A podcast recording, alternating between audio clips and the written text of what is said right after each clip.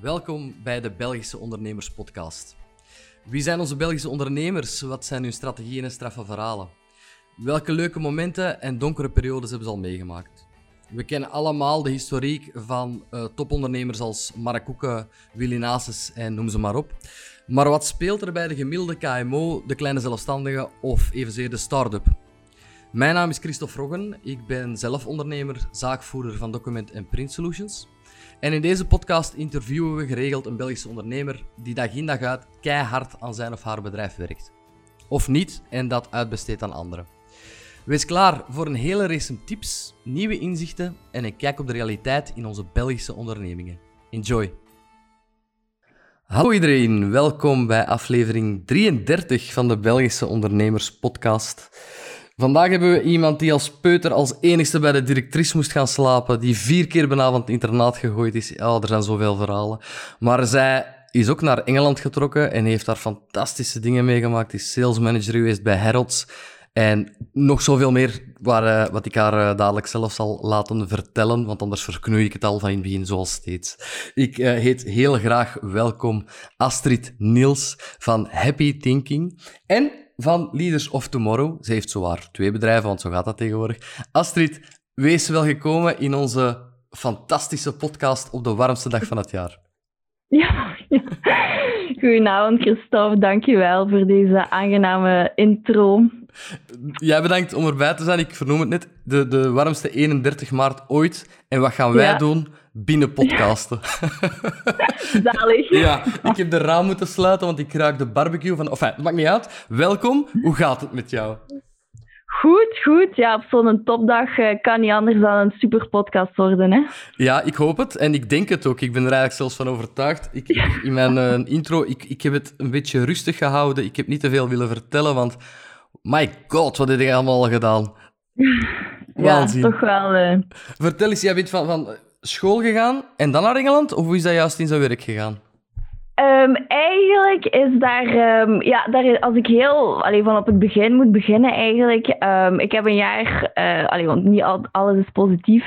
ik heb een jaar gebist uh, op uh, de humaniora. En dan heb ik een jaar handelsingenieur geprobeerd en een jaar psychologie. En dat was niet gelukt. Okay. Ja, uiteraard. Hè, dus al mijn uh, medestudenten die hadden hun bachelor, of ja, al mijn leeftijdsgenoten hadden een bachelor op zak. En ik zat toen echt wel in zak en as. En ja, thuis ook grote paniek. Ja, die Astrid, allee, wat, wat moeten we ermee? Uh, testjes gaan invullen aan de, aan de KU Leuven. Kan ze wel studeren? Allee, zit het wel in daar? En daar is eigenlijk uitgekomen dat ik heel ondernemend ben. Dus um, dat, allee, dat was wel positief. Um, en toen heb ik ook tegen mijn moeder gezegd wel van kijk, ik, ik wil weg. Ik kan mijn weg hier niet vinden. Ik, ik, ik weet niet wat dat is, maar met, met de omgeving en mijn vrienden, het gaat niet. Um, ja, toen heb ik gezegd, kiest jij maar. En toen heeft zij eigenlijk besloten dat ik aan de KH Leuven, dat was toen net nieuw, uh, International Business Management uh, zou gaan doen, marketing ook nog. En uh, dat eerste jaar is in Denemarken, het tweede jaar, het eerste semester was in Leuven. En dan het tweede semester van het tweede jaar heb ik een stage gedaan in Shanghai. En het derde jaar zat ik dan in Londen. Wauw, zit ik hier maar over Engeland bezig, maar het was veel ver. dus eigenlijk, als ik het concludeer, uw mama wou u hier weg. Hè? Daar komt het dan op neer. ja, ik denk dat ze echt dacht. Ja, maar in de familie ben ik wel degene waarvan ze dachten, oei, Ah, ja. ja, wat gaat er van die komen? Ah, dat is super herkenbaar, ja. Oké, okay, maar jij bent dan uiteindelijk die business uh, management school gaan doen?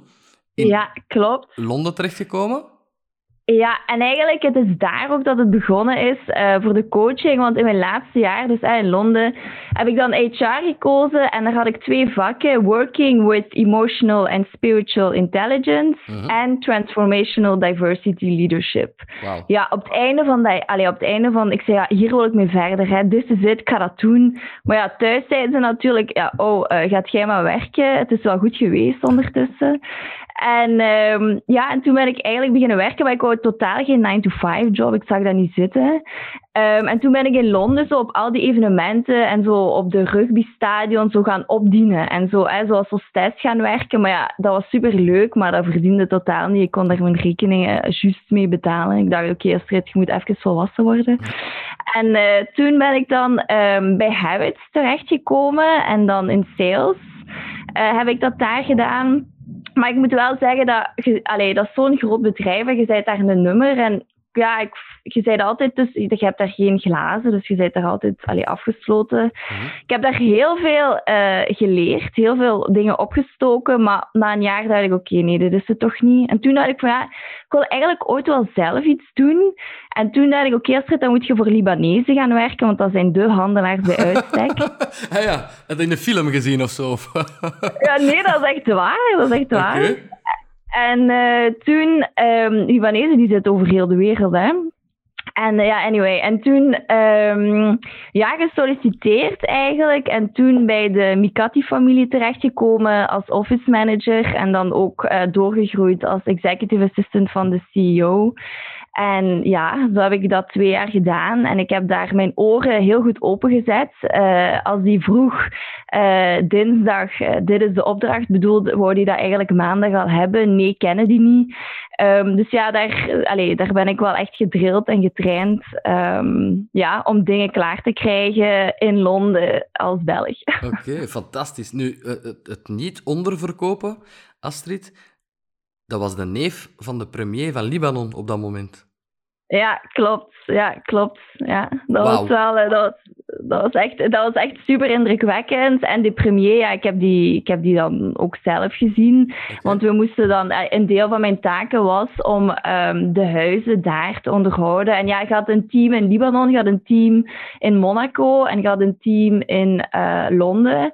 En ik was dan verantwoordelijk voor, het, eh, ja, voor de London office eigenlijk. En ja, dus de privé deed ik ook heel veel. En dat was een heel andere sfeer. Je moet denken, die cultuur, die kindjes komen daar binnen, de chauffeurs, de nannies, eh, de, iedereen liep daar zo. En dat was gewoon één grote familie. Dat was super tof. Ik heb daar super veel geleerd. Dat was echt hartverwarmend eigenlijk. En ja, nu nog, eh, toen ik, allee, nu nog, allee, ik heb daar zo goede herinneringen aan.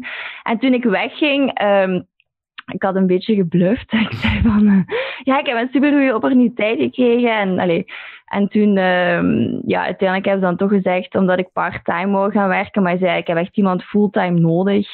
Ehm, en ja, en toen zijn onze wegen dan eh, gescheiden. Maar ze hebben toen mij wel nog willen helpen met, om mijn coachingzaak op te richten. Want ze zeiden, Astrid, je kunt het beter zo en zo en zo aanpakken. Maar ik ben dan heel koppig geweest en mijn eigen weg eh, gegaan. En, ja.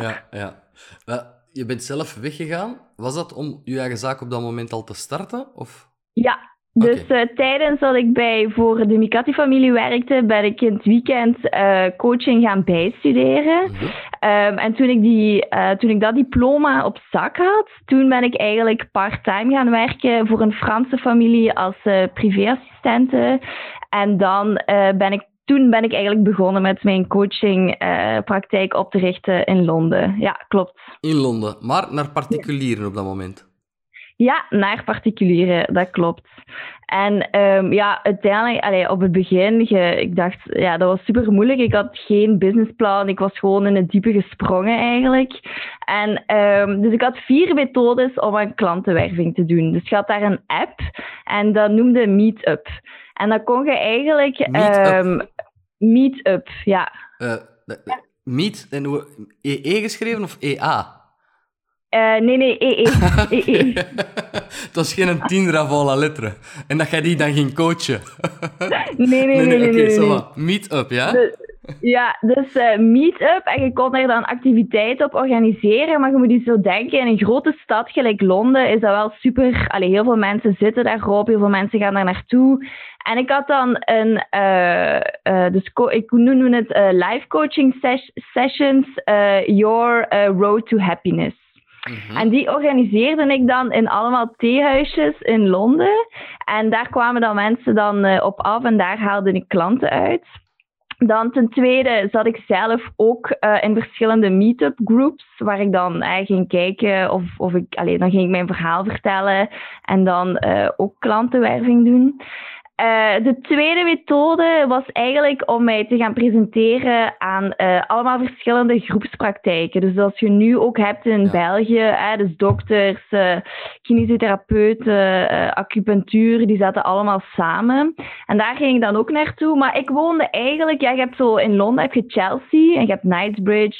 En ehm, ja, de schone kant van Londen eigenlijk. En ik woonde daar net buiten. Ik woonde niet daarin, maar er net buiten. Maar ik dacht, oké, ik ga gewoon Chelsea veroveren. Hè, dus ik ga daar allemaal prospectie doen. Dus ik ging daar naartoe.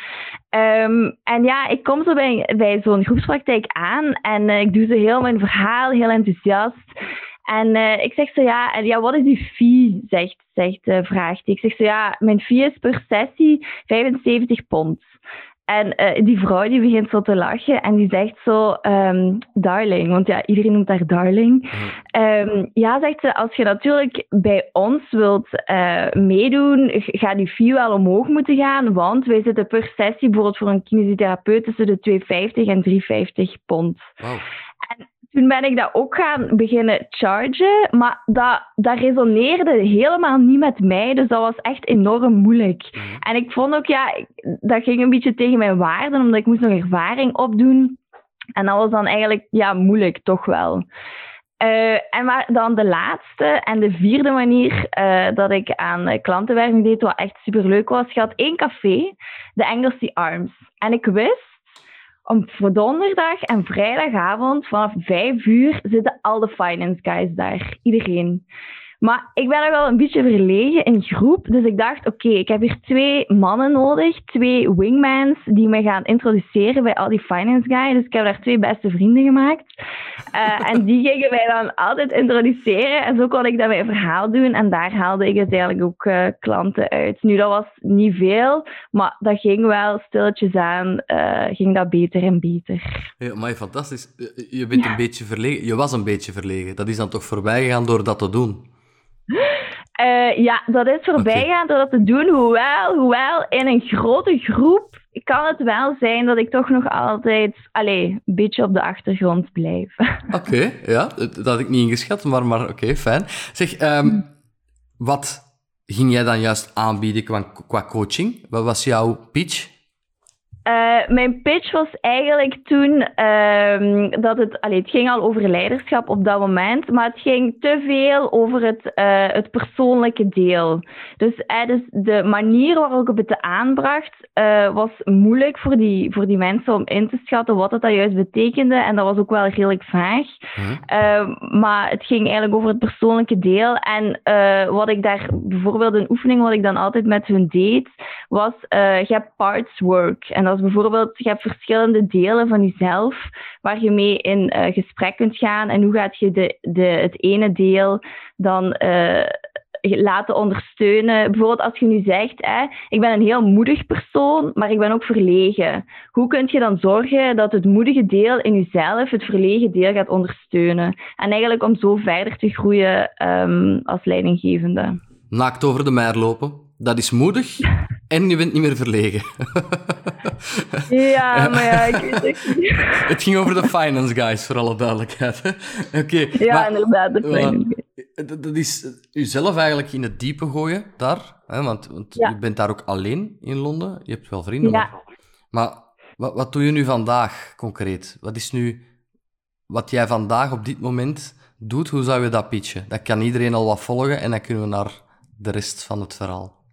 Ja, dus uh, ik heb eigenlijk ondertussen, uh, want dat was ook begonnen met Happy Thinking, hè, dus dat was de naam. En dan nu heb ik uh, Happy Thinking focust op de B2C-markt. En daar coach ik eigenlijk ambitieuze vrouwen die zichzelf zijn voorbijgelopen, het contact met zichzelf zijn verlopen, verloren en daardoor problemen ondervinden in hun romantische relaties.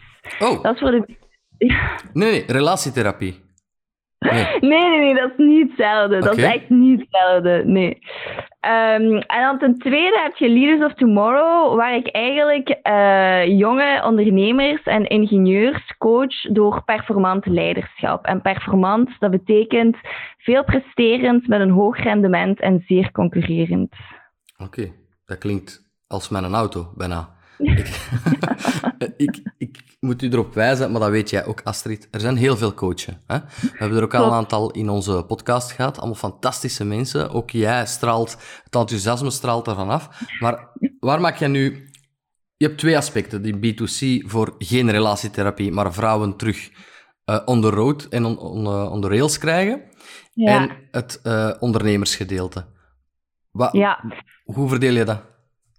Dus eigenlijk, als je, waar ik op focus bij die vrouwen, uh, specifiek als je um, als vrouw, je heel ambitieus, eh, you go, go, go, go, go. Maar dat is eigenlijk heel veel mannelijke energie. Als je die energie gaat inbrengen in een relatie, ja, geen enkele, dat is geen enkele man of geen enkele mannelijke man gaat daar, uh, ja, die gaat dat leuk vinden. Mhm. Dus uh, dan is eigenlijk de vraag van ja, hoe kom je terug bij jezelf en hoe gaat je in de receiving energy, en dat is dan vrouwelijke energie, en hoe blijf je daarbij? Um, nu, voor, wat doe ik daarmee? Ik werk heel veel uh, met wat dat ze voelen, want die vrouwen die, die, die weten ook niet meer en die kunnen dat ook niet meer onder woorden brengen wat dat ze voelen. Dat is één. En dan ten tweede doe ik daar heel veel grenzenwerk. Van ja, wat is mijn grens? Want die zijn hun grenzen volledig voorbijgelopen. En ik zal bijvoorbeeld zeggen, dus ik had uh, een, uh, een vrouw en die kwam in coaching en die zegt van ja, um, ik moet alles doen in het huishouden. Mijn man doet niks. Maar dan vraag ik haar, ja, maar hoe heb jij die man misschien wel zo getraind dat hij niks doet in het huishouden? Ah, heb jij al, al heel je leven, doet jij daar maar, want je kunt het beter en je doet het sneller. Dus als zij dat blijft uit handen nemen van hem, ja, hoe wilt je dan dat die man in actie gaat schieten om dat voor u te doen? En je mhm. moet weten dat een man gelukkig wordt om u gelukkig te zien. Dus wij hebben daar zelf ook aandeel aan. Dus, en dat ga ik dan met die vrouwen onderzoeken eigenlijk. En heel veel vrouwen zijn ze daar gewoon totaal niet bewust van. Nee, intensief. Nu, dat zijn niet allemaal ondernemers, die vrouwen. Nee, dat zijn zeker niet ondernemers. Uh, dat zijn uh, hoogopgeleide vrouwen meestal. En vrouwen die. Um, nu, ik moet wel zeggen, die energie van dat doen en dat doen en dat doen, dat zit wel bij vrouwelijke ondernemers toch wel. Dat zijn vrouwen die meestal aan de top staan en die, ja, die er gewoon volledig knalhard voor gaan. Dus daar zit wel een link. Ja, oké. En hoe komen die bij jou terecht? Is dat, komen ze bij jou zelf terecht of ga jij dat opzoeken? Dat is um, beide. Ah, toch? Ja. Ja, dus uh, zij komen bij mij, te, dus de mensen die, of de, die vrouwen die nu bij mij terechtkomen, dat zijn mensen die eigenlijk mij al jaren volgen, die mij een parcours kennen en die ook vertrouwen hebben in wie dat ik ben als coach, maar ook wie dat ik ben als mens. Allee, mhm. what you see is what you get bij mij. En um, ja, die daar, die, die vertrouwen hebben en zich veilig voelen. En die ook wel weten van, oké, als we bij Astrid terecht kunnen, dan zijn we in goede handen. Ja, en hoe ga je die zelf opzoeken? Uh, via, ik doe via Facebook en Instagram. Dus voor de B2C-markt ben ik via Facebook en Instagram. En voor de B2B focus ik eigenlijk op LinkedIn. Tuurlijk, daar gaan we ons ook op focussen, op het B2B-gedeelte. Want het is fijn om te weten, uh, elke vrouw die luistert, die kan bij jou terecht. Al is het maar om even te sparren over hoe moet ik mijn man hier nu eindelijk de strijk laten doen. Eh, daar komt het op neer. Um, maar wij gaan naar het B2B-gedeelte. Wat kan jij bijdragen? Zoals ik net zei, er zijn heel veel coaches mhm. op dit moment. Waar maak jij het verschil? En met welke ondernemers werk je graag? Wat heb je hen te bieden? En vooral, hoe gaan ze daar beter van worden?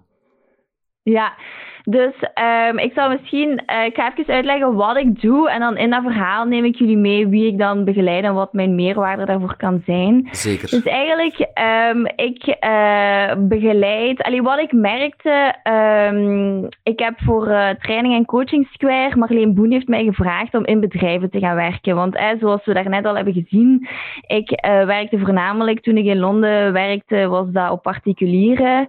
En ik had nooit, nooit gedacht dat ik voor bedrijven zou werken, want ik ben zelf een beetje, ja, ik heb nooit in grote bedrijven gewerkt, dus ik dacht niet dat ik een meerwaarde kon hebben. -hmm. Tot Marleen Boen mij eigenlijk in bedrijven gezet heeft. En wat ik daar terecht, wat ik daar zag was dat leidinggevenden, uh, die kennen heel goed het product en de service dat ze willen aanbieden, als ook in de markt waarin ze dat willen laten groeien. Maar als die zelf willen groeien of die willen een team leiden, dan lopen die een beetje verloren. Dus tegenwoordig jonge mensen, vroeger waren dat senior posities die mensen moeten leiden, tegenwoordig zijn dat jonge mensen. En opeens moeten die aan people management gaan doen. Hetzelfde bij jonge ondernemers, wanneer die van een eenmanszaak gaan En die gaan uitbreiden. En die moeten, een, ja, die moeten controle loslaten, want je kunt het niet meer allemaal zelf.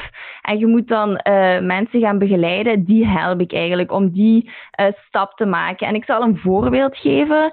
Toen ik bij Infrawel werkte, um, was er een leidinggevende en die zei van... Um, ja, daar moet iemand een test afleggen of een assessment.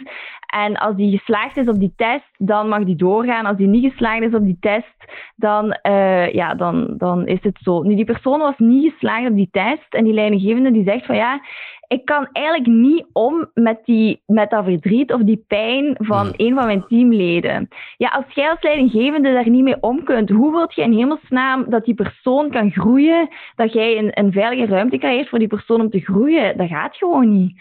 En dan merk je ook... Um, bij uh, jonge ondernemers. Uh, dus die jonge ondernemers die knallen maar door, 200 km per uur, bam, bam, bam.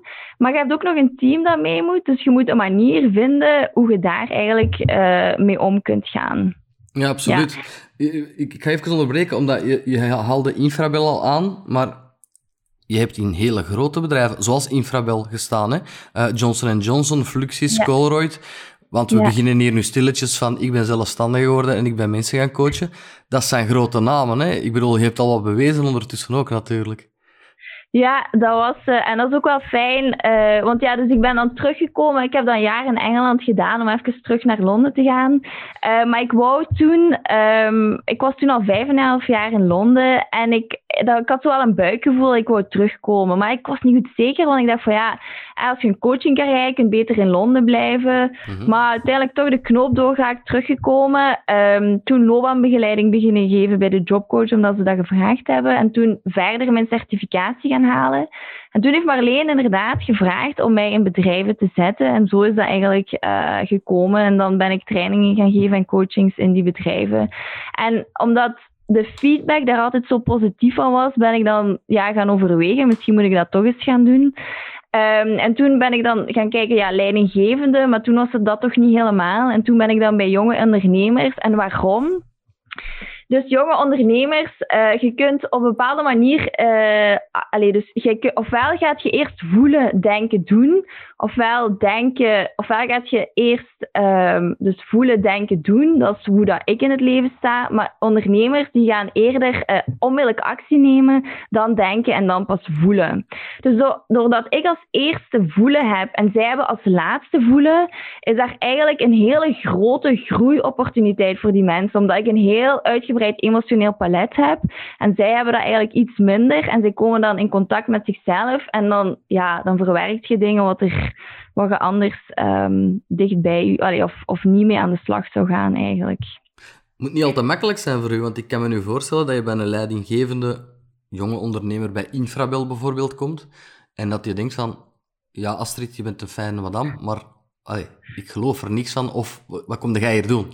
Hoe pak je dat aan? Je zal dat al wel eens gevoeld hebben soms. Ja, ja zeker en vast. Dus ik heb ooit een CEO gehad en die zag mij en die wou zich gewoon omdraaien. Oké, maar als dat de case is, dan gaan we u laten zweten. Want allee, ik ben misschien wel super vriendelijk en het is waar dat ik een sympathieke uitstraling heb, maar als coach dan sta ik er echt wel. Dus je passeert mij niet.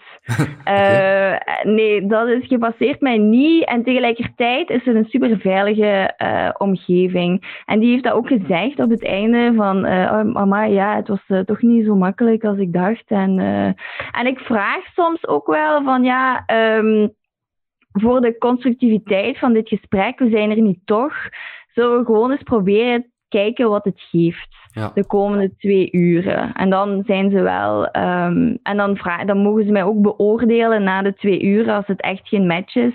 Dan, uh, dan niet. Maar ik heb bijvoorbeeld ook uh, een training gegeven bij, want ik heb een zeer directe aanpak uh, in de zin van. Um, ja, ik ga er geen doekjes om vinden. Als ik denk dat dit het probleem is, ga ik u dat ook meegeven. En ik heb inderdaad ook bij trainingen mensen gehad die, op, die, op, die zijn opgestart, uh, opgestapt, omdat het te confronterend is. Maar die bellen dan een week later en die zeggen ook wel sorry. En die geven dan ook eerlijk toe, het was op dat moment te pijnlijk. Um, maar ja, als je, allee, die only way out is in. Dus Oké, okay, dat klinkt heel pijnlijk, ja, inderdaad. En ja. Wat, wat vind jij jonge ondernemers? Want daar focus je nu op. Wat is voor jou jong? Pas op, hè. Eh, Pas op. hè. Oei, nu weet ik zo niet meer wat ik moet Ja, zeggen. voilà. Nee, nee, maar zeg maar gewoon. Ik ben op voorhand al Eh, geaffronteerd. Zeg het maar. Nee, nee, dus ik focus eigenlijk eh, ja, zo tussen de 30 en de 40. Eh, dat zijn zo de ondernemers waar ik mij op dit moment. eh, Goeie gok, Astrid. Goeie gok. ja, goeie go- ja. Oké, Nee, je mag verder vertellen. ja, dan is er eigenlijk nog een doelgroep bijgekomen en dat zijn eigenlijk de ingenieurs. Eh, en waarom? Omdat ingenieurs, ehm, dat zijn eigenlijk heel eerlijke mensen, maar die hebben niet altijd, ehm, die, dus ingenieurs die beleven het leven echt vanuit de ratio, puur vanuit de ratio. En die zijn niet in contact met het emo, dus het hartgedeelte, of de intuo, de buik. En ehm, dus eh, ja, om een, en eh, dus wat is nu mijn punt? En waarom dat een voordeel is voor mij, is om, allez, voor hun ook, omdat ik daar dan mee aan de slag ga, om daar mee, met hun mee in contact te brengen. En dan kunnen zij eigenlijk efficiënter en impactvoller communiceren naar hun team toe. Hè? Dus CTO's vooral, eh, waar ik dan mee aan de slag ga. Maak je hen een beetje. Ik bedoel dat helemaal niet verkeerd, maar een beetje socialer en communicatiever. Ja, klopt. Want zij ja. zijn inderdaad heel clever en, en gaan volledig op in het project. Maar Ja. die communicatie daar rond verloopt soms eh, te recht door zee, laat maar maar zeggen. Ja, ja, dat klopt. Want eigenlijk hebben die heel vaak gelijk. Hè? Maar Mhm. als je boodschap niet landt bij de andere persoon, dan kun je nog allez, zoveel gelijk hebben als je wilt. Dan, dan zit er een mismatch. Maar je moet weten dat feedback is eigenlijk een technisch, een technisch begrip. Hè? Dus dat komt van de machinewereld. Maar als je gewoon feedback geeft naar een mens, daar zitten vooroordelen tussen, daar zit intuïtie tussen, daar zitten overtuigingen tussen. Dus je moet leren daar ook allemaal mee rekening te houden eigenlijk. Dus jij werkt vooral op de gevoelens en emoties. Goh, het gaat eigenlijk verder dan dat. Want hoe ga ik te werk? Dus zij moeten standaard, als ze een traject starten, moeten zij twee coaching assessments invullen. Het allereerste is het enneagram. En ik ga er al onmiddellijk bij zeggen dat dat 95% validiteit heeft. Oké. Ehm, en dat is een waardegebaseerde test. Wat is het verschil met het Enneagram en bijvoorbeeld een MBTI en een Insight? Dus eh, MBTI en Insight is gebaseerd op gedrag, terwijl het Enneagram is gebaseerd op waarden. En uw waarden die, eh, die sturen uw gedrag aan. Dus dat gaat eigenlijk nog een stap hoger. Nu, wat ziet je bij die waarden? Het Enneagram heeft dan negen verschillende types. Ja. En de drie types die dat er als ondernemer uitspringen, dat zijn type 3, type 7 en type 8. En type 3, ik zal even de angsten en de motivaties erbij zeggen. Dus de, ehm, de core motivation van type 3 is de ander overtreffen. De core motivatie van een type 7 is alles kunnen ervaren en pijn vermijden. En de core motivation van type 8 is controle hebben en sterk zijn. Nu, de angsten van die drie types is eh, van type 3 is eh, de angst van type 3 is eh, falen of waardeloos zijn. De angst van type 7 is gelimiteerd zijn. En de angst van type 8 is eh, kwetsbaar zijn. Dus dat zijn echt... En als je die alle drie hebt, dus dat wil dus ja, om het nu even... eh, je hebt van die negen zijn er drie nummers die eh, de ratio zijn, drie nummers die het buikgevoel zijn en drie nummers die, het, ehm, die de emoties zijn eigenlijk. Dus, en als je die alle drie hebt, 3, 7, 8, zit je een ras-echte ondernemer. Ik wou net zeggen, je hebt 99% van de ondernemers genoemd, oud of jong.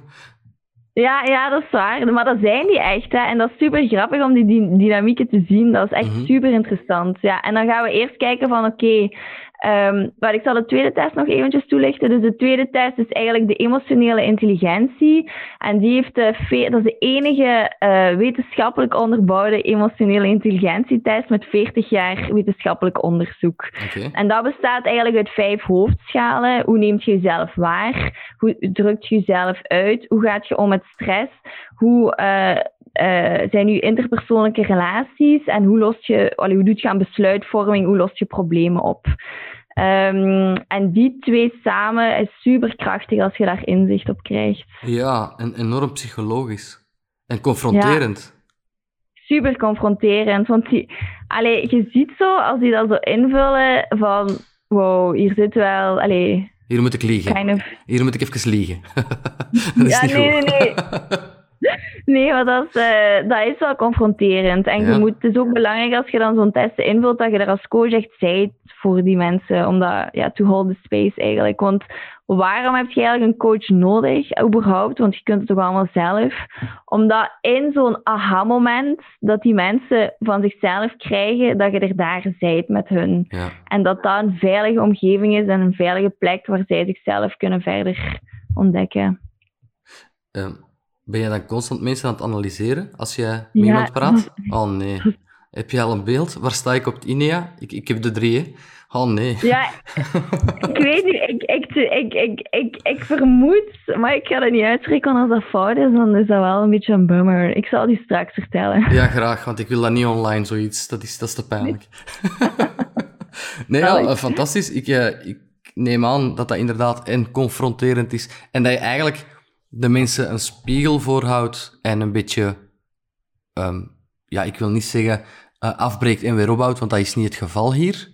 Maar toch Nee. wel de voetjes terug op de grond zet. Van je bent goed bezig, maar Goh, eigenlijk schept dat een denkkader waarin zij kunnen denken en waarin zij zichzelf beter le- kunnen leren kennen. En zo'n tool, je moet denken, dat rapport is twee keer eh, allee, 40 pagina's en de andere is 20 pagina's. Ja. En, dat, en dat, dat geeft ook aan bijvoorbeeld, dit is wat er gebeurt als jij in stress gaat, dit is er wat er gebeurt als jij gaat ontspannen, dit zijn de ondersteunende elementen die je kunnen helpen.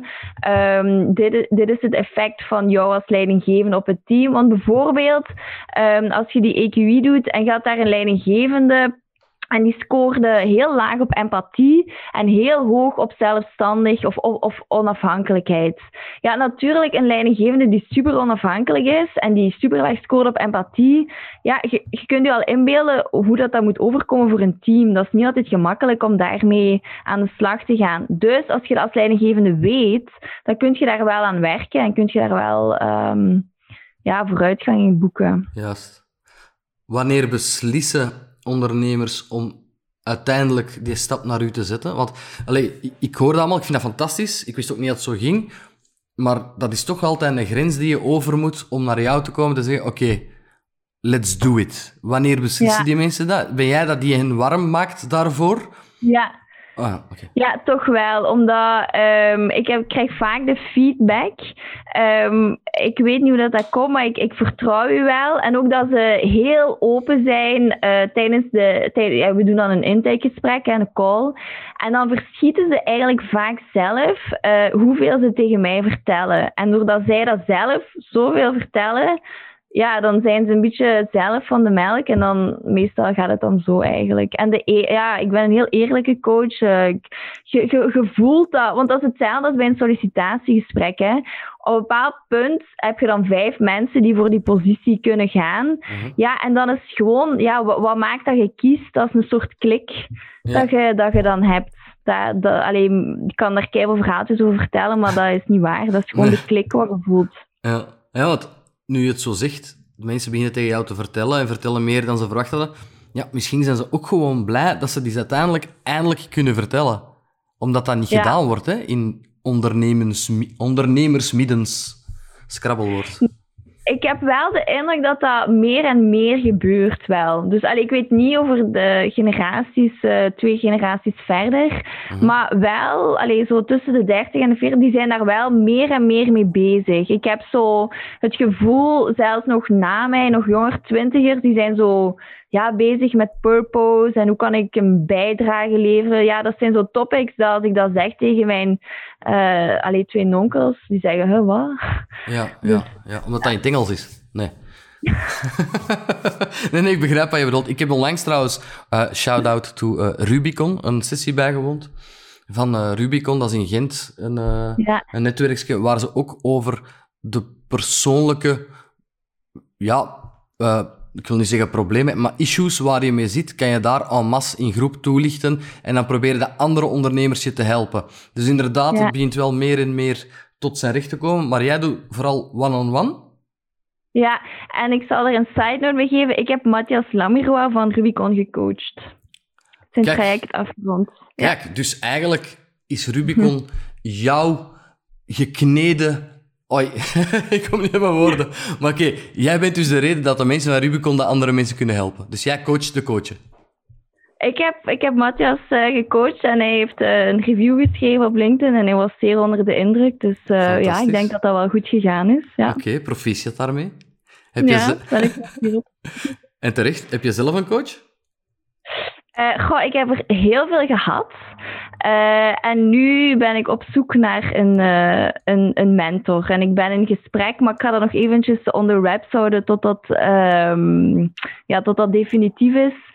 Maar ik voel dat ik nu niet, ik heb geen coach nodig over leiderschap, maar ik heb echt een business coach nodig die structuur en die mij maandelijks zegt: Oké, hoe zit het met die onderneming? Waar ben je mee bezig? Uh, hoe pak je het aan? Die eigenlijk mijn, mijn horizon een beetje verruimt. Uw raad van bestuur. Eenmansraad van bestuur, uiteindelijk. Ja, en die mijn blinde vlekken ook wel eens, uh, dingen waar ik niet aan, niet aan denk, dus die mij echt challenged uh, van, allee, kom aan, hoe zit dat hier? Ja. ja, ja, ja. Nee, fantastisch. Dat is leuk om te horen. Laat het ons zeker weten als je een mentor gevonden hebt. Want we, we, we, horen die verhalen al te graag. Zeg, en zo los van uw job en uw beroep dat je uitoefent, wat doe jij om te ontspannen zelf? Ga je boeken lezen? Ga je sporten? Ga je...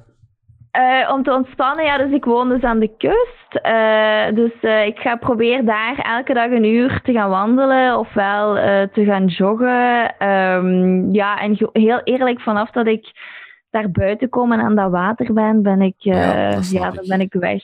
Ja, ja en ik, heel, ik, want ik had, uh, toen ik terugkwam van Londen, uh, dacht ik, ja, ik hetzelfde probleem. Ja, ik moet een coaching business uitbouwen. Ik moet in Antwerpen gaan wonen. Maar ik was in Antwerpen en ik dacht, nee, Astrid, je wilt niet meer in de stad wonen. Dat is een reden waarom je bent teruggekomen.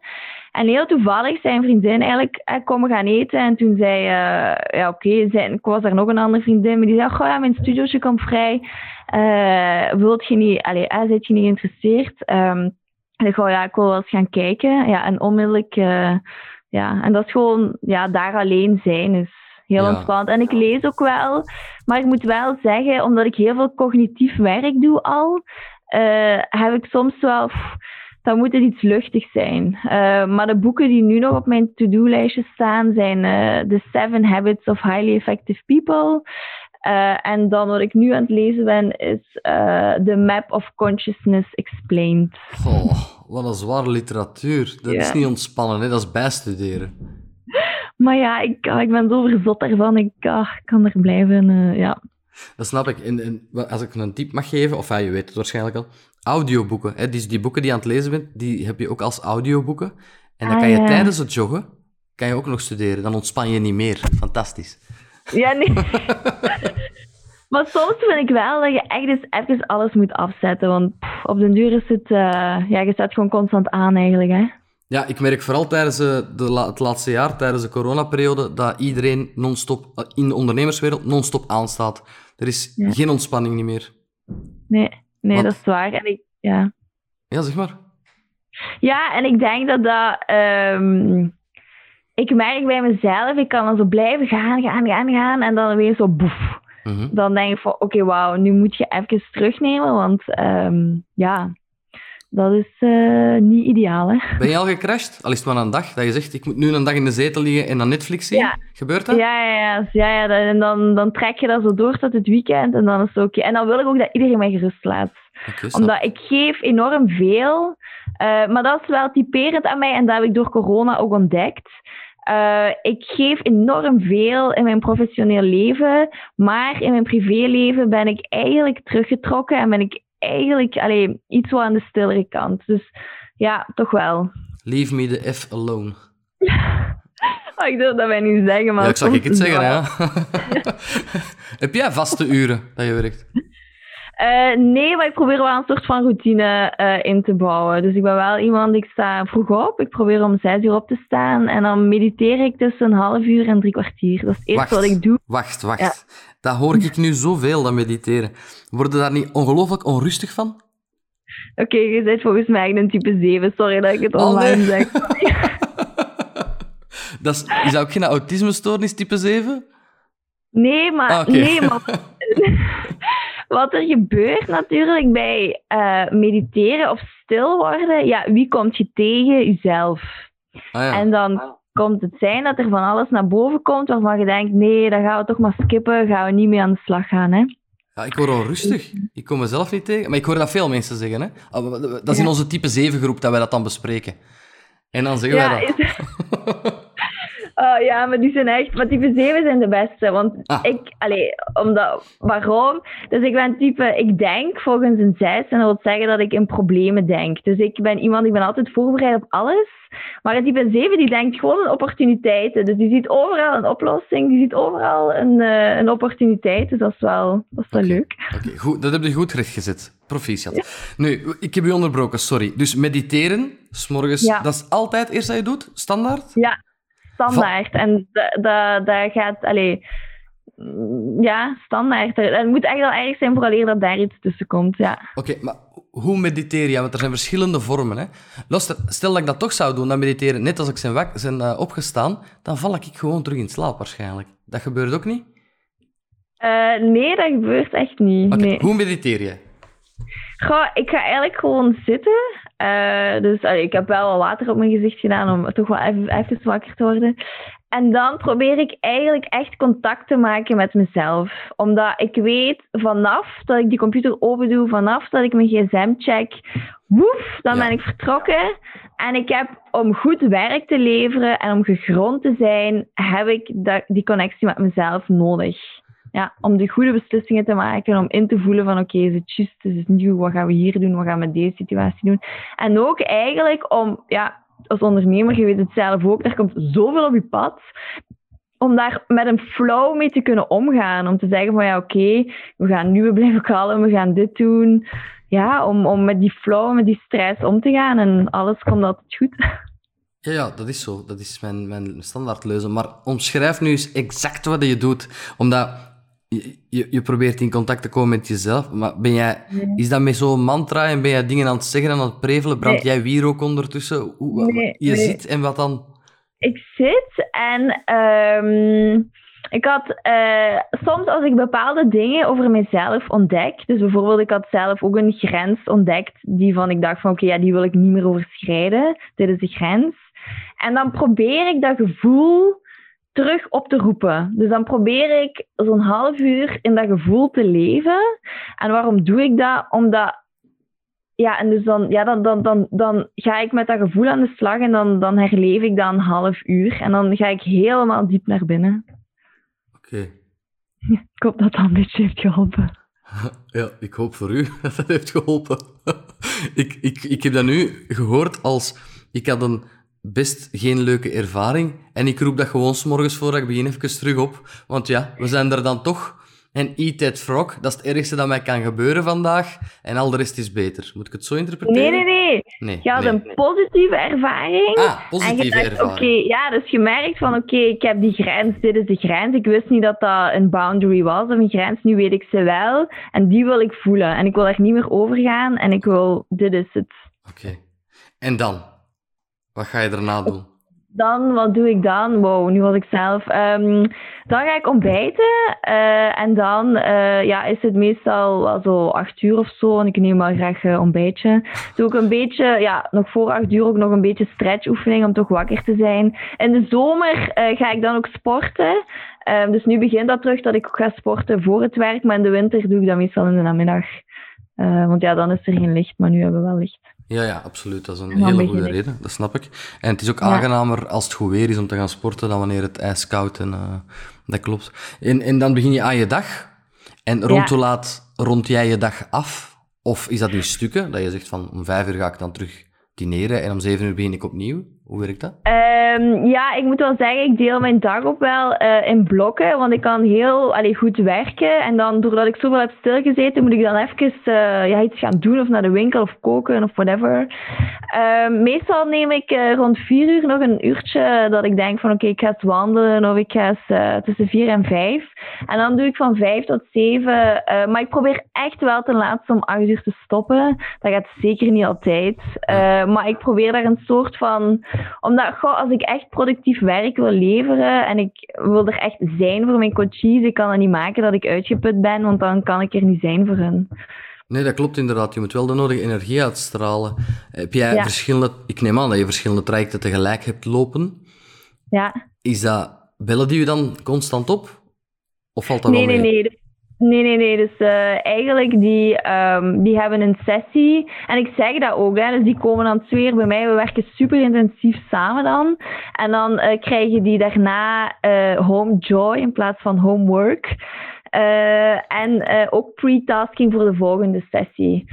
En dan wil ik dat ze dat wel allee, goed mee aan de slag gaan, maar wij hebben weinig, ze mogen mij altijd mailen, maar weinig contact toch wel tussen de sessies, omdat dat, ja, dat, dat zou gewoon niet gaan. Okay. En het is ook wel een afgebakend traject, hè? dus het is acht uur. we werken intensief samen en dan zijn ze zo, omdat mijn trajecten zijn heel diep en heel intens. Uh, dus dan merk je wel van oké, je hebt wel wat tijd nodig om dat uh, te doorvoelen en dat te doorwerken. Maar je hebt wel mensen die dan een jaar later ook wel terugbellen en vragen: kunnen we nog eens uh, samen zitten of zo? Oké, okay, dat ging mijn vraag zijn, zo'n traject. Want je zegt acht uur, maar ja. dat is niet acht uur non-stop, dat is in sessies van uren. In sessies, dus vier keer twee uur. Vier keer twee uur, ja. Ja, omdat waarom? Omdat je, als je echt coaching wilt en je wilt naar de diepte gaan, dan moet je vertragen. En iemand die tegen 300 per uur knalt, eer dat je die echt in de vertraging hebt, zit je meestal een half uur, drie kwartier verder. En dan ja. Kun je... En ook eigenlijk, en voor die ingenieurs die in de ratio altijd zitten, ik zeg altijd van ga in de beleving. En om in die beleving te gaan, omdat dat uit een comfortzone is, moeten we naar de diepte en ja. Oké, en is het zo dat je um, die twee uur doet en dan die home joy meegeeft. Wat, een woord. de home joy. Ja, fantastisch. De home joy meegeeft in de voorbereiding en dan een week later, of zitten daar gewoon maar een aantal dagen tussen? Is zo'n traject op een maand afgewerkt bijvoorbeeld? Uh, nee, dus eigenlijk idealiter wil ik ze tussen de eerste en de tweede sessie uh, twee, wil ik er twee weken tussen, want ik wil dat kort opvolgen hoe het gaat met die mensen. Uh, dan, um, dan kiezen zij. Er zijn er die twee weken, drie weken, een maand. Maar het is max. Ik heb persoonlijk liever maximum drie weken. Omdat als je daar een maand tussen laat, ja, dan dat werk, dan moet je helemaal bijna terug opnieuw beginnen. Ja. Dus ze mogen dat kiezen, maar ik ben er geen voorstander van. Komen ze naar jou of ga jij naar het bedrijf? Uh, beide. Dus uh, sommigen zeggen ik kom liever naar jou. Omdat ik soms pak ik ze ook mee naar het strand. Omdat uh, als je daar aan het strand aan het wandelen bent, dat wandelt heel makkelijk. dat, dat praat heel makkelijk. Daar komt er veel meer naar boven soms. Ja. en soms ga ik naar het bedrijf. Ja, dat hangt ervan af. Okay. Wie moet jou nou contacteren? Als je nu zegt dat type profiel. Laat ons even over ondernemers hebben, want van ingenieurs ken ik gewoon te weinig. Van ondernemers ja. Die nu op dit moment struggelen met X, die kan ik ja. echt helpen. Uh, Co-founders, CTO's. Uh, dat, zijn, allee, dat zijn nu ook wel weer de ondernemers. En van de ingenieurs, zoals ik uh, daar straks al aanhaalde, van de, die uh, aan teamuitbreiding zijn aan het doen. En die zich daar eigenlijk verliezen. Dus die daar eigenlijk de handvaten kwijt zijn. Dus die zeggen van ja, ik, dat loopt hier allemaal een beetje in het honderd. Die hebben op dat moment ook meestal superveel stress, omdat die niks uit handen geven. Maar je team is er net om dingen uit handen te geven. En ik kan dat sneller en ik doe dat beter maar eigenlijk zit je daardoor de vertragende factor in je bedrijf. Ja. Um, dus die mensen. Oké, okay, zijn er zo tips die je aan nog jongere ondernemers, laten we dan zeggen begin 20, en startende ondernemers kan geven om, ja, dat is een beetje tegen hun business wat ik ga vragen, om niet in dat vaarwater terecht te komen met die struggles? Kunnen ze daar proactief uh, iets aan doen? Ja, ik vind wel, um, ik vind wel dat je daar proactief iets aan kunt doen. Um, ik heb altijd veel um, ja, daarover gelezen en daarmee toch weer bezig gehouden, ook om mezelf niet te verliezen. Want ik merk ook ondernemers die, ja, die zijn super enthousiast en die gaan vooruit, vooruit, vooruit. Maar die, allee, die, hebben, die hebben ook wel kans om dan in een burn-out te komen. Dus als je zegt van ja, ik wil dat misschien toch wel vermijden. Ja, probeer jezelf dan um, af en toe eens in te checken met jezelf op het einde van de dag. Hoe, hoe gaat het nu eigenlijk met mij? Hoe, hoe voel ik mij? Ja. Maar heel eerlijk, die mannen die, die hebben daar iemand voor nodig die dat met hun doet. Allee, dat is toch mijn ervaring. Ja, ik wou net echt- zeggen. Dat, dat geef je Ja. niet aan jezelf toe. Hoe gaat het met jou? Fantastisch. Ik ken niet beter. Echt waar. En dan gaan we wenen op het wc. Ja. Nee, maar, maar ik, ik had deze week nog iemand en die zei van ja, ik door de, ehm, dus door de dag, mijn gevoelens, ik shut dat down, want eh, dat is niet efficiënt, dan moet je vooruit gaan, ik kom taak na taak na taak. Ja, en dan op het einde van de avond begint hij dan te eten, om zijn gevoelens weg Ah, ja. te drukken. Ja, snap je? Dus dat, dat zit er wel hoor, maar je moet er voor openstaan en je moet ehm, ja, een, een manier vinden om daarmee aan de slag te gaan. Dus als je Ja. zegt, ik loop mezelf. Kijk, hè, het leven is gewoon een balans. Hè. Als jij voorbij loopt, oké, dat is allemaal goed en wel, maar je gaat, terug, je gaat crashen op een bepaald moment. Dus ja, dat is, ja als je dat wilt, oké, maar. Ik denk dat niemand dat wil. Behandel jij ook mensen met burn-outs? Nee, dat doe ik eh, niet. Dat, eh, die verwijs ik ook door. Ja. Wat wel ik heb gedaan, is mensen die uit een burn-out eh, komen. Maar dat, dat doe ik niet meer op dit moment. Nee. Oké, ja, maar dat is een andere manier. En nog intensiever, neem ik aan. Ja, ik denk, dat, dan moet je echt wel, ehm, ja, ja, ik denk nog intenser ehm, Ja. zijn, ja. We- Weet je, er springt mij een vraag te binnen. Sorry, ik ga wel een hak op de tak, maar ik vind het plezant praten met u. ik ga u factureren. Nee, is niet waar. Zeg, ehm, zo in, in Engeland, dat, hoe lang heb je er gezeten? Vijf jaar en een half. Vijf en een half jaar, ja, klopt. Daar moeten toch verhalen zijn? Daar heb je toch iets meegemaakt? Nee? Iets speciaal? Iets, eh, Eh, ja, ik zal daar een verhaaltje vertellen. Ehm, dus initieel, dus we hebben mijn eerste bedrijf genoemd Happy Thinking. Maar ik wou dat eigenlijk eerst You Lucky Bastard noemen.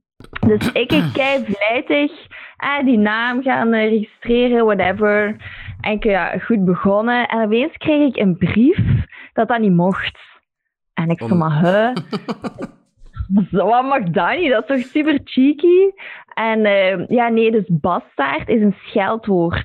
Ah, is dat? En ja, dat is een scheldwoord en dat mag niet. Toen heb ik een advocaat gecontacteerd en toen heb ik gezegd, ja kijk, dit is de context waarin ik het wil doen. Allee, is dat toch niet, is dat toch niet mogelijk om dat te doen? Dus heeft hij ehm, dat helemaal voor mij uitgezocht, hebben een brief geschreven naar de, ja, naar de government. En ehm, toen hebben ze dat één keer geweigerd. Toen heb ik dat nog eens geprobeerd.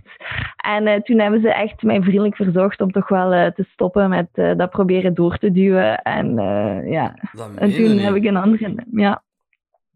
Ja. Amai, onze vriend Die... Nee, ik ga hem op zelfs niet maken. Ja, allee, spannend. Dat is speciaal. Zijn, daar, zijn de regels daar heel ander qua onderneming? Goh, qua onderneming, eh, maar het schijnt dat dat hier nu wel eh, veranderd is ook wel. Dat was super makkelijk, super vlot om dat allemaal op te starten. Ah ja. Dus dat was wel echt, eh, je had geen hoge kosten als freelancer. Ja, dat, dat was echt, ja, dat was echt hemels. Zou je nog teruggaan? dus, eh, ehm, ja, dat is raar. Ik had altijd gezegd dat ik nooit zou teruggaan. Maar ik hoop wel als één keer, want ik ben nu bezig met eh, trajecten online te maken. En dat mensen die ook online kunnen volgen, hè, dus dat ik dat kan schalen.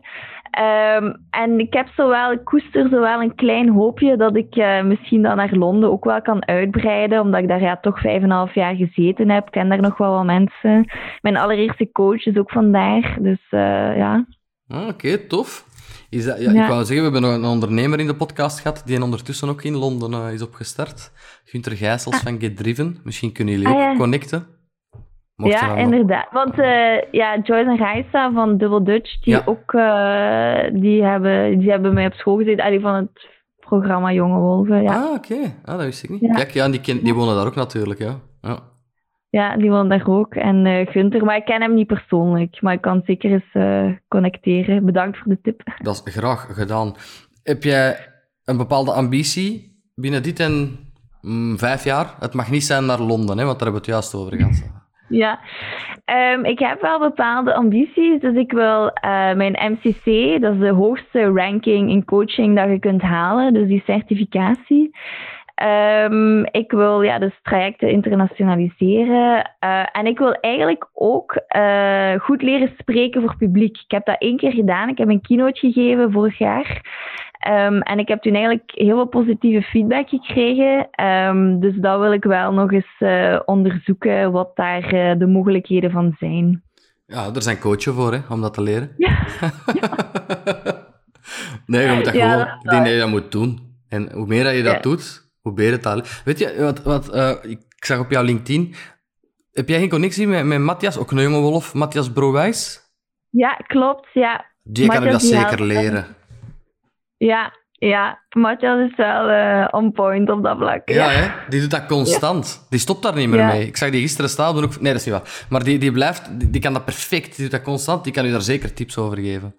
Ja, maar die is ook heel goed daarin. Die is echt, uh, ja, ik bewonder hem wel uh, voor, uh, ja, inderdaad, die is echt super goed in. Ja. Voilà. En zo leren we allemaal van elkaar. Welke tip zou jij jezelf geven als jij nu terug mocht starten? Goh, als ik nu terug mocht starten, um, dan zou ik denk ik het veel concreter maken. Dus coaching is een vaag begrip. Ja. Uh, en dat je zegt van oké, eh, ik focus mij op een zeer concrete doelgroep en dit is wat ik heel concreet aanbied. Nu, ter, terwijl ik het zeg, denk ik, ja, dat is soms wel moeilijk, omdat je, uh, ik weet dat nu, om door al de ervaring dat ik heb gedaan, maar als je, ik weet nog toen ik begon, dat is niet altijd gemakkelijk. Uh, maar toch denk ik, allee, begin met iets heel concreet, iets heel... en ga dan verder. Oké. Heb je zo een doelgroep die absoluut niet...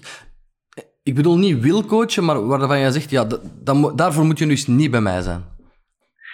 Ja, je hebt uh, eigenlijk mensen die, die gelijk mij zijn. Dat is erg om te zeggen, maar ja, dat is gewoon zo. Dat, allee, dat is gewoon zo waarom, is, waarom zijn onderne ondernemers hebben een heel eh, gedreven energie en die ingenieurs die zijn heel rationeel. Dus die ingenieurs kunnen van mij leren door dat gevoel. Ik leer van hun door die een ratio en die manier van denken. Terwijl ondernemers, ik ben iemand, ik ga uh, voelen, denken, doen. Dus ik zie traag in actie. Eh, dus ik ben daar degene die hen terugtrekt en zij zitten met al een actie aan. Dus wij zijn super compatibel. Ja. Dus dat zijn de groepen dat ik heel graag doe. De groepen dat ik minder doe, ja, dat zijn degenen die op mij lijken. Te confronteren waarschijnlijk. Waarschijnlijk, voilà, daar heb je die spiegel. Jij bent een, zee, een zes, je bent een zes. ah, ja. Oké. Okay. Uh, ja. Heb jij zelf nog iets dat jij wil, wil delen met de wereld, de luisteraars die aan jouw lippen hangen? Uh, goh, uh, ja, als ze mij willen contacteren, dus uh, mijn website is uh, happythinking.me. Dus niet BE, maar M van mama en E van Erik. En hetzelfde voor leadersoftomorrow.me eigenlijk. Ja. Okay. Ik ga er ook zeker bij zetten hoor, in de teksten. Ik vroeg mij af waarom dat ME was, want ik had natuurlijk eerst fout geschreven. Ja, omdat uh, eerst, ja, ik zat dus in Londen en toen dacht ik van ja, .co.uk, maar ja, was ik terug wil naar België, oké, okay, ja, .be, maar dan verlies ik misschien mijn cliënten van in Londen. Ja, dot, uh, uh, .com was sowieso al genomen waarschijnlijk. en ja, .europa, maar ja, stel je gaat super groot dromen en je gaat gewoon world domination doen, dan gaat dat toch ook niet .eu.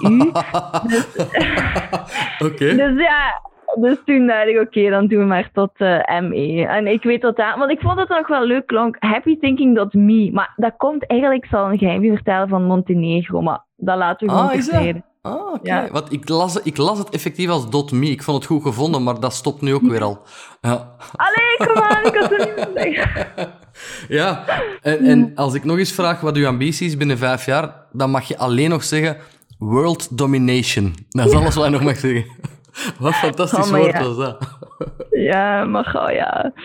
Maar ja, weet je, dat is, uh, je moet hier zo bescheiden zijn in Vlaanderen. Hè? Dat is uh, die nee. Vlaamse bescheidenheid. Nee, dat is voorbij. En dat hebben mensen gelijk Gunter Gijsels en anderen u wel, en, en Raissa en u wel voorgedaan, dat dat niet meer nodig is. Je mag tenminste toch groot heel... dromen, mag ik hopen. Ja, ja, maar ik moet heel eerlijk zeggen, toen ik in Londen begon met te solliciteren, die Vlaamse bescheidenheid zat erin. En die heb ik na twee interviews gewoon in een vuilbak gegooid. En gedacht, oké, okay, maar toen, vanaf toen was ik de beste. Je, gaat, je gaat het niet beter vinden. Je gaat niet... En ja, toen heb ik ook mijn jobs geland. Ja, dat is ah, zo, ja. Heb ik met de podcast. Het brengt niet op, maar uiteindelijk denk ik dat toch. oh, Oké. Okay. Ik ga heel even afscheid nemen van uh, de kijker en de luisteraar. Ik kom u direct hartelijk bedanken voor uw fijne bijdrage, klein secondje. Dankjewel. Zo, allemaal bedankt om uh, deze leuke, vond ik toch, podcast uh, volledig uit te luisteren of te kijken. Um, je kan ons volgen, de Belgische ondernemers, op Instagram, Facebook, LinkedIn. En je mag altijd een mail sturen naar info.belgischekoppeltekenondernemers.be met tips, tricks, uh, opbouwende kritiek. Krijg je een negatieve kritiek hoor, voorlopig. Ik zeg dat er gewoon altijd bij dat opbouwend leuker is. Ik heb heel wat aanvragen om mee te doen. We zijn uh, volboekt tot half juni. Je mag altijd sturen, maar weet dat het eigenlijk uh, eerder naar de zomer zal gaan om uh, in een aflevering te verschijnen. Maar altijd welkom. Voilà. Dank u wel uh, om erbij te zijn en om zo actief en, en energiek te vertellen. Ik hoop dat je het zelf leuk vond, Astrid. Ja, ik heb er echt super van genoten. Het was mijn eerste podcast, dus ik was eigenlijk best zenuwachtig. En nu denk ik al, oh my god, wat je nu weer allemaal vertelt. Nee, maar dat is denk, oh, goed, dat is goed, ja. Maar ik, ik vind het leuk dat het uw eerste podcast was, was, want dat wil ook zeggen dat je dit de allerbeste podcast vond waar je ooit aan hebt meegedaan. Sowieso, sowieso, ja. En dat vind ik super. Nee, ja. uh, je hebt het ook heel goed gedaan. Je, je hebt... Uh, Allee, ik vond het fantastisch, de leuke verhalen, het kwam allemaal vlot. En ik wil jou samen met de luisteraar en kijker bedanken voor de deelname. En ik hoop uh, jou ooit te zien op tv waar je vertelt over je world domination. Ik had dat nooit moeten zeggen, hè. we gaan de mensen denken. Astrid, bedankt en allemaal tot de volgende keer.